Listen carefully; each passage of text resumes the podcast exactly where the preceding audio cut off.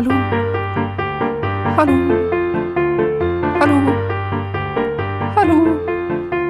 Velkommen til podkasten Hennes hus. Hallo. Hallo. Hallo. Hallo. Velkommen til podkasten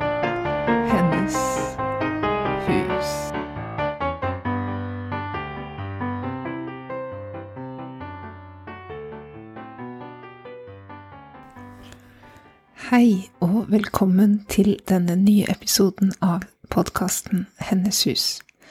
Det er veldig morsomt å ta opp nå når jeg vet eh, hva podkasten heter, Hennes hus, og vet litt mer om hva jeg driver med.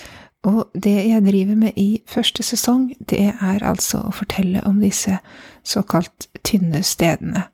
Og tynne steder er et begrep fra eh, keltisk spiritualitet, thin places eh, på engelsk, og det betegner eh, eh, altså en, en type steder der hvor man slører mellom det hinsidige og, og det dennesidige, eller det spirituelle og det materielle, himmel og jord, om man vil, sies å være tynnere enn ellers, eller kan oppleves som at det er det.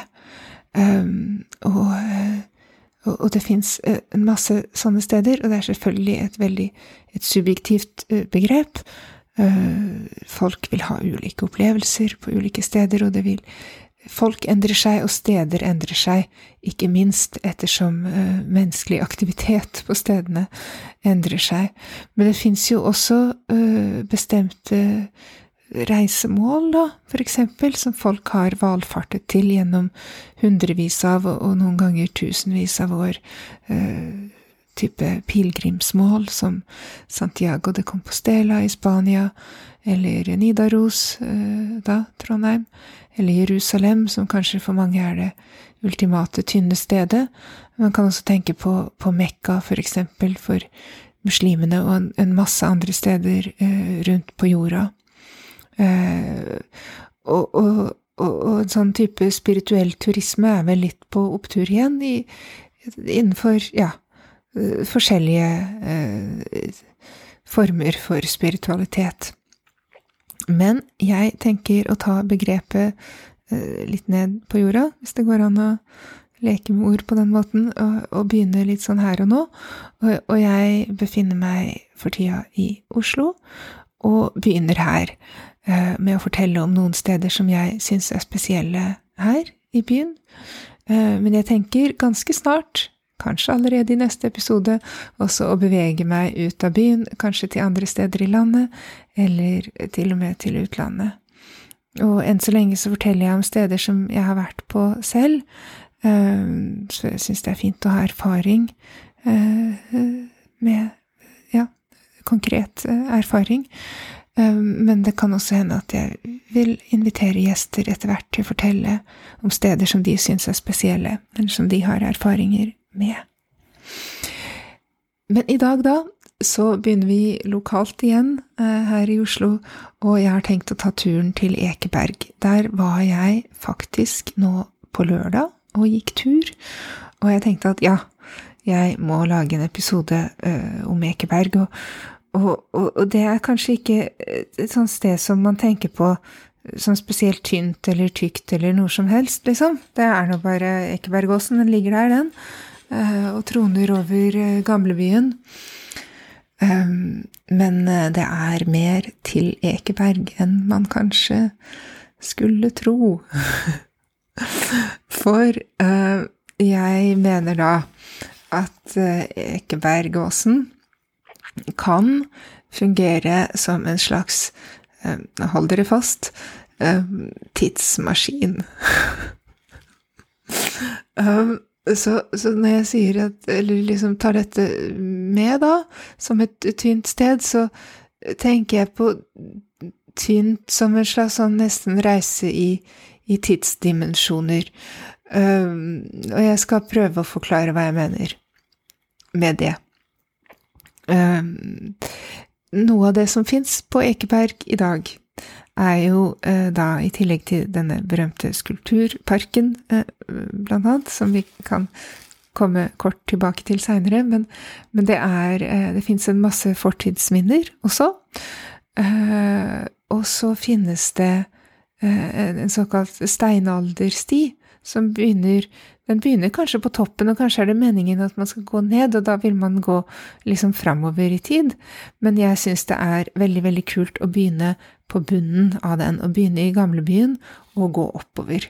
Fordi det man da kan gjøre, er å rett og slett følge strandlinja bakover gjennom århundrene og årtusenene. Um, for det har seg jo da slik at eh, for uh, ca. 10 000 år sia, når de første menneskene, uh, regner man med, kom padlende inn Oslofjorden og slo seg ned uh, oppe på toppen av Ekeberg, som da ikke var en topp i det hele tatt, det var antagelig en liten sånn øy eller noe skjær eller noe. Um, men da sto da, som dere skjønner, havet mye, mye høyere enn det gjør i dag. Fordi som kjent, eh, så denne isen da, under siste istid, den var jo veldig tykk, noen ganger så tykk som to kilometer, faktisk. Eh, og, og, og, den var også veldig tung, så den pressa rett og slett jorda nedover, og landet nedover, slik at havet da sto mye, mye høyere. Um, og, men etter hvert som isen smeltet, så ble den jo lettere, og havet begynte å reise seg og stige opp fra vannet, og, og strandlinja sank. Og med det resultatet av at, eh, at, man kan følge strandlinja liksom når man går oppover på åser, så kan man på en måte gå bakover i tida. Eh, og det gjelder jo for så vidt overalt, det, da. Men det som er spesielt på Ekeberg, er at de har lagd en sånn steinaldersti hvor man kan hvor det er sånn skilt og sånn, hvor det står sånn nå, her var strandlinja i eh, bronsealderen, og her var strandlinja i yngre steinalder, og, og, og, nå har vi kommet til mesolittisk tid, og så videre. Sånn. Og, og, og da øh, følger man liksom veldig med på hvordan man går bakover i tida, og hvis man gjør det, um, og, og så kan man lese øh, fakta på disse skiltene.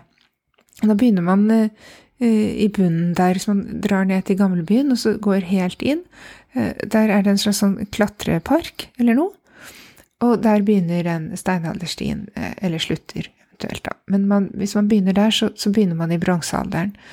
Ved begynnelsen av bronsealderen der nederst. Det er ca. 15 meter over, over havet. Og der var strandlinja for for ca. Altså 3800 år siden, 1800 år før vår tidsregning. Eh, det var begynnelsen av bronsealderen, og da, da, var folk begynt å bli liksom bofaste, og eh, de dyrka jorda og ja, sånn. Um, og, og, man kan gå oppover og, og kommer ganske raskt tilbake til steinalder, til yngre steinalder. Og så kan man lese om forskjellig hva folk gjorde, hva de Eh, levde av, og, og, hvordan de hugget ut forskjellige redskaper, og flintøkser kan man lese om, og steinbrudd og forskjellig sånn. Og jeg skal ikke gå i detalj om det, for det kan bli fryktelig, fryktelig kjedelig. Men poenget er at man kan følge strandlinja tilbake i tid, helt til man kommer til toppen. Og da eh, er man i faktisk eldre steinalder der. Og, og Men det det krever, liksom Hvis man bare går det og leser på de skiltene, og så bare ja, ok, interessant steinøks, dam-di-dam, liksom, det kan jo være fint, men for at tidsmaskinen skal fungere, så må man eh, ha på seg en litt sånn eh, magisk tidsreisedrakt, føler jeg, og det, uh, det, kan kanskje være lurt å, å ta med seg generelt som et slags begrep når man forholder seg til disse stedene, om det ikke er tidsreisedrakt som det er på Ekeberg, så er det lurt å ha på seg en litt sånn eh, følehorndrakt, kan man kanskje se for seg, slik at man får med Eller i hvert fall kan Om man ikke tror på det engang, så kan man liksom leke, fordi det rett og slett blir gøyere. det er morsommere, tro meg. Men bevare beina på jorda og, og lese om steinøkser og fakta og, og flint og, og, gud vet hva. keramikk og mye saklige greier der. Uh, og så kan man uh, ha på den, den, drakten. Jeg ser litt for meg sånn I dag har jeg sittet og sett på, på en episode av Brødrene Dal og Spektralsteinene. Spektralsteinene. Um, og den drakten til han Brumund Dal, som er sånn propell på hodet, for eksempel, den, en sånn, kan man ta på seg. Eller en, en annen variant uh, som man foretrekker da. Hvis det er noen som ikke har sett eh, Brumund Dal, eh, eller vet hvordan han ser ut, så kan man google Brumund Dal uten H, eller Brødrene Dal, og få opp eh, bilder av det. Men det er så. Uansett så er det Det kan være lurt. Og hvis jeg tar på meg en, en sånn drakt og går oppover der, så Da er jeg i eldre steinalder når jeg kommer på toppen, liksom. Det er magisk. Og, og, når man kommer opp dit, så er det jo Da er det noen bonuser der. Der er det en steinsirkel, faktisk. Den er kanskje ikke sånn overvettes imponerende, for den er egentlig bare halv. Det er bare fire av syv steiner igjen. Men den er Oslos svar på Stonehenge, og den står der. Den er faktisk fra, uh, fra jernalderen, så den er ganske ung. Uh, de drev jo med sånt mye, mye før. Uh, ellers i Europa, og noen, noen, steder i Norge også drev de med det før. Men, men på Ekeberg er det en fra jernalderen. Og det, det, er også en annen en sånn skipssetning, faktisk, en, en, hvor de har formet steinene som et skip. Kanskje de reiste til uh, det hinsidige i skipet, da. Det er en fin uh, En fin symbolsk uh, ja, framstilling av reisen til etterlivet. Um, og så er det sånne skålgroper, som er en slags sånn Det ligger i ordet en slags sånn bergkunst, som er uh, groper, uh, skålformede groper skåret inn i, i fjellet, som, man, som fins fra bronsealder og, og, tidlig jernalder og i, i, hele Nei, i store deler av Europa. Og det fins også på Ekeberg, uh, muligens fra, fra sein bronsealder eller tidlig jernalder. Og, og de er veldig kule, syns jeg, da. De eh, Man vet jo ikke helt hva de symboliserte, eller hva de har vært brukt til, men de kan ha hatt med jordbruk, eh, fruktbarhet å, å gjøre. Og, og det, til dels er de merket, men man kan også gå og lete og finne skålgroper, for de fins på flere steder, og det kan være ganske spennende. Um, og dette alle disse fortidsminnene og mange flere, masse gravhauger er det der oppe, og, og gamle steingjerder og sånn, veldig gamle, altså, de øh, De er jo da eh, blandet etter hvert, liksom spredd utover sammen med disse moderne skulpturene. og det gir en sånn speisa følelse. Jeg vet ikke hvordan jeg skal beskrive det, men Ekeberg er kult. Tid og rom og dimensjoner er eh, Og hvis man tar på seg en sånn drakt med sånn hatt med propell på hodet, på en måte Dette mener jeg selvfølgelig ikke, ikke bokstavelig, men en imaginær propelldrakt eller noe. Så altså, da Hvem trenger magisk sopp, liksom? Det er eh, en tur på Ekeberg er, er det du trenger. Så jeg eh, går ganske Det er ganske speisa, kan være. Ja. Så det var egentlig det jeg hadde å fortelle i dagens episode av Hennes hus. Ehm, jeg skal bare kort nevne også at, at det, det fins, det fantes rettere sagt, et lokalt troll også inne i Ekebergfjellet, og han kaltes for Ekebergkongen.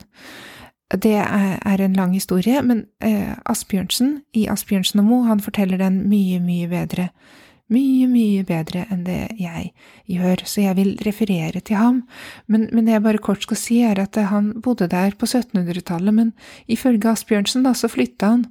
I 1814 så flytta han til Kongsberg, for han syntes det var blitt for mye bråk i byen, og det skjønner jeg godt.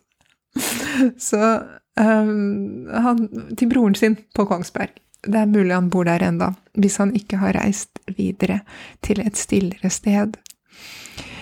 Men altså, øh, siden vi har snakket om dragen i Akersberg, så tenkte jeg jeg ville bare nevne Ekebergkongen, øh, Huldrekongen, øh, eller Trollkongen fra fra Ekeberget.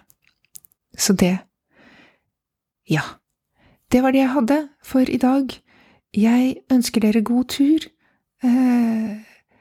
og håper at dere vil følge med videre på reisen også. Um, dette kan jo kanskje bli en slags sånn skattejakt, tenker jeg etter hvert. En sånn jakten på det innsidige. en åndelig skattejakt. Um, forhåpentligvis med, med, beina på jorda, da. Så vi får se hvor neste reisemål blir. Ja. Men tusen takk for at dere lyttet til denne episoden, og ha det riktig, riktig godt så lenge.